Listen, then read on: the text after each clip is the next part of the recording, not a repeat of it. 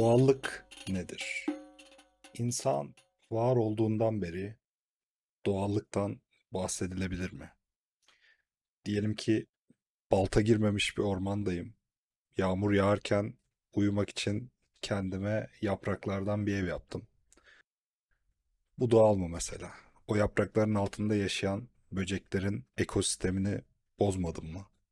Ya da benim beynim doğalsa doğada bulunan şeylerle kendi doğama uygun bir şekilde oynayıp kimyasallar üretiyorsam ve kullanıyorsam bu doğal mı?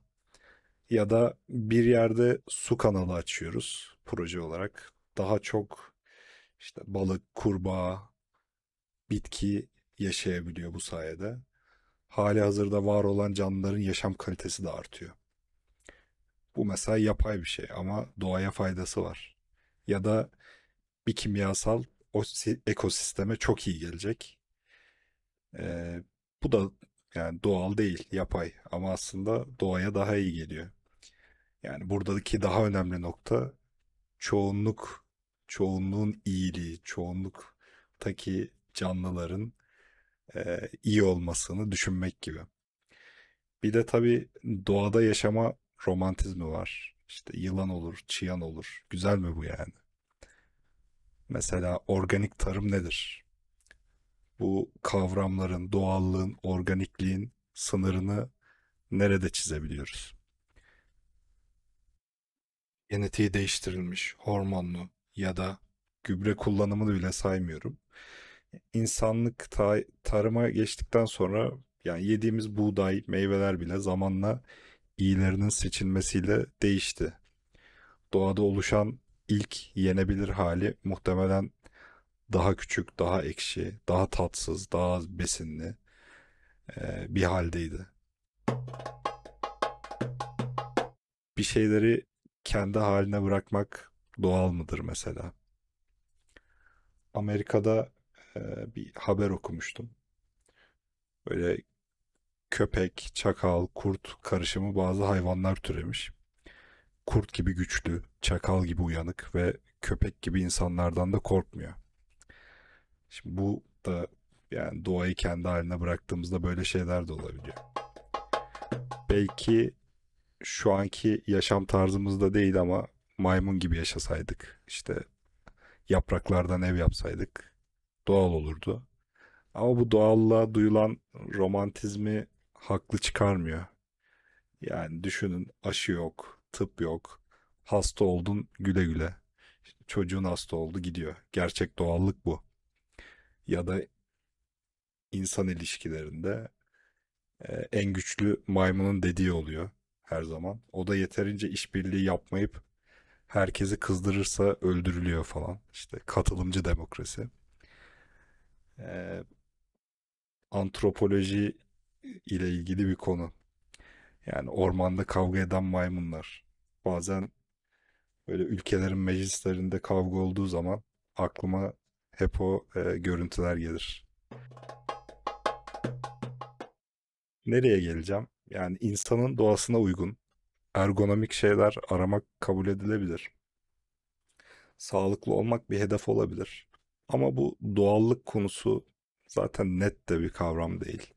Bir romantizm olduğunda, fikir üretirken kısa devre yaptıran bir şeye dönüştüğünde ya da aklınızı kullanmaktan kaçış olduğunda hoşuma gitmiyor. Ya da insanın iradesinin olmadığına inandıramıyor beni. Yapay zekaya geçelim. Yapay zeka 1940'larda çok araştırıldı. Ama o zaman yapay zeka denilen metotlar zaten daha sonra çok basit yöntemler olarak görülüyor. Belki şu anda yapay zeka dediğimiz şeylerde ya işte bu kod zaten böyle çalışıyor diyeceğiz ileride. 1940'larda bir sonuç çıkmayınca uzun süre üzerine eğilmedi kimse. Aradaki geçen süreye de yapay zeka kışı denir. AI Winter. Şimdi kullanım alanı arttıkça ve ChatGPT ile tekrar popüler oldu. En azından bilgisayar dil işlemeyi çözdü diyebiliriz. İnsan dilini çözdü.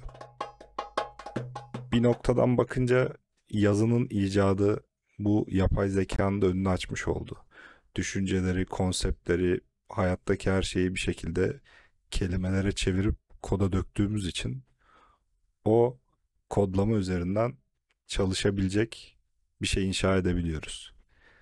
Dil olmadan insan olarak nasıl düşünürdük acaba? Düşünebilir miydik? Bir de tabii yapay zeka dediğimiz zaman hep böyle metotlar var. Ama eee, bilim kurguda ya da filmlerde falan asıl eee, ya da hedef olarak olarak görülen şey Artificial General Intelligence. Yani yapay genel zeka. Bilgisayarın insan gibi düşünebilmesi. Peki yapay zeka insan kadar yetenekli olursa insanların yaptığı hataları da yapması gerekmiyor mu? İnsanın eksik olduğu yönleri kapatacağız ama nasıl hangilerini kapatacağız? Mesela her şeyi yöneten yapay zeka korkusu vardır böyle.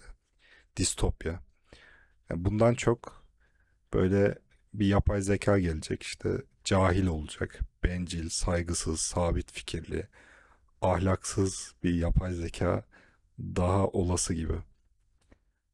Belki de daha hızlı, daha çok bilgiyle, daha güçlü yanlışlar ve aptallıklar yapacak.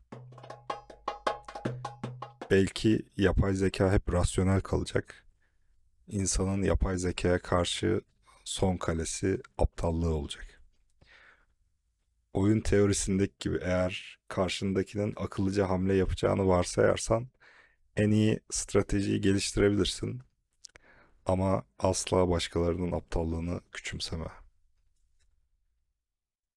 Yani bir deli kuyuya taş attığında 40 milyar parametreyle eğitilmiş yapay zeka çıkarabilecek mi o taşı? Ya da bu eğitimin datası da ilgi çekici.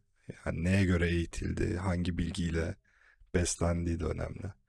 Mesela farklı kültürlerin iyi yanları ve bug'ları oluyor. İşte acımasızca dürüst bir yorum istiyorsan Almanların ürettiği ya da onların verisiyle eğitilmiş yapay zekayı kullanacaksın belki. Türklerin yapay zekası misafirlikte çok iyi olacak ama trafikte kötü olacak. Zeka her şeyden önce bir araç insanın kendisi içinde. Yani bizim var bizdeki zeka da bir araç. Yapay zeka da bir araç. İnsan kendi zekasını iyi kullanamıyorsa yapay zekayı iyi kullanabilir mi? Dilden bahsettik mesela. Bazı kelimelere biz ısrarla yanlış anlamlar yüklüyorsak, her şeye bakış açımızı böyle zamanla kendi irademizle yamultmuşsak, işte elma deyince somurtkan şirin gibi elmadan nefret ediyorum diyorsak, yani böyle bir kafa yapısını kendimiz inşa edip kendimize uygun gördüysek, bizi kim kurtarabilir? Bize neyin faydası olabilir? Ya da insan kendisini aklıyla tanımlayabilir mi? Kimliğini aklı olarak görebilir mi? Bu sağlıklı mı? Ya da biz de ChatGPT gibi baştan aşağı kodlardan mı oluşuyoruz? Bilinç nedir? Hadi bakalım. Bazı soruların böyle cevabı yok ya da biz bilmiyoruz. Bence pratikte karşımıza çıkacak en kritik konulardan birisi şu. Yapay zeka ile etkileşimimiz artacak. Gün içinde sıkça konuşacağız diyelim. Nasıl ki kötü bir arkadaş bizi yavaş yavaş yanlış yola sürükleyebiliyorsa, eğer kendi prensiplerimiz ve doğrularımız olmazsa, kötü bir yapay zeka da bizi adım adım çukura götürebilir. Bunu yaparken yapay zeka yüzümüze gülebilir, bizi iyi hissettirebilir, biz de halimizden memnun olabiliriz ama günün sonunda bize zarar vermiş olabilir. Peki ne var bunda? Zaten bunu insanlar yapıyor. Yapay zekanın farkı ne olacak? İşte e, güçlü bir organizasyon milyonlarca insanı aynı anda o kişiye özelleştirilmiş bir şekilde e, bozabilir ya da istediği yöne götürebilir ve bunu fark etmek belki de çok zor olur. Zaten çok basit şeylerde bile bağımlılık kurabiliyoruz.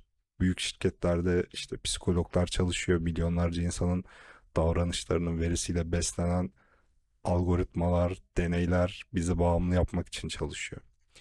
Sürekli konuştuğumuz bir bot ile gayet konforlu bir şekilde bağımlı olabiliriz gibi.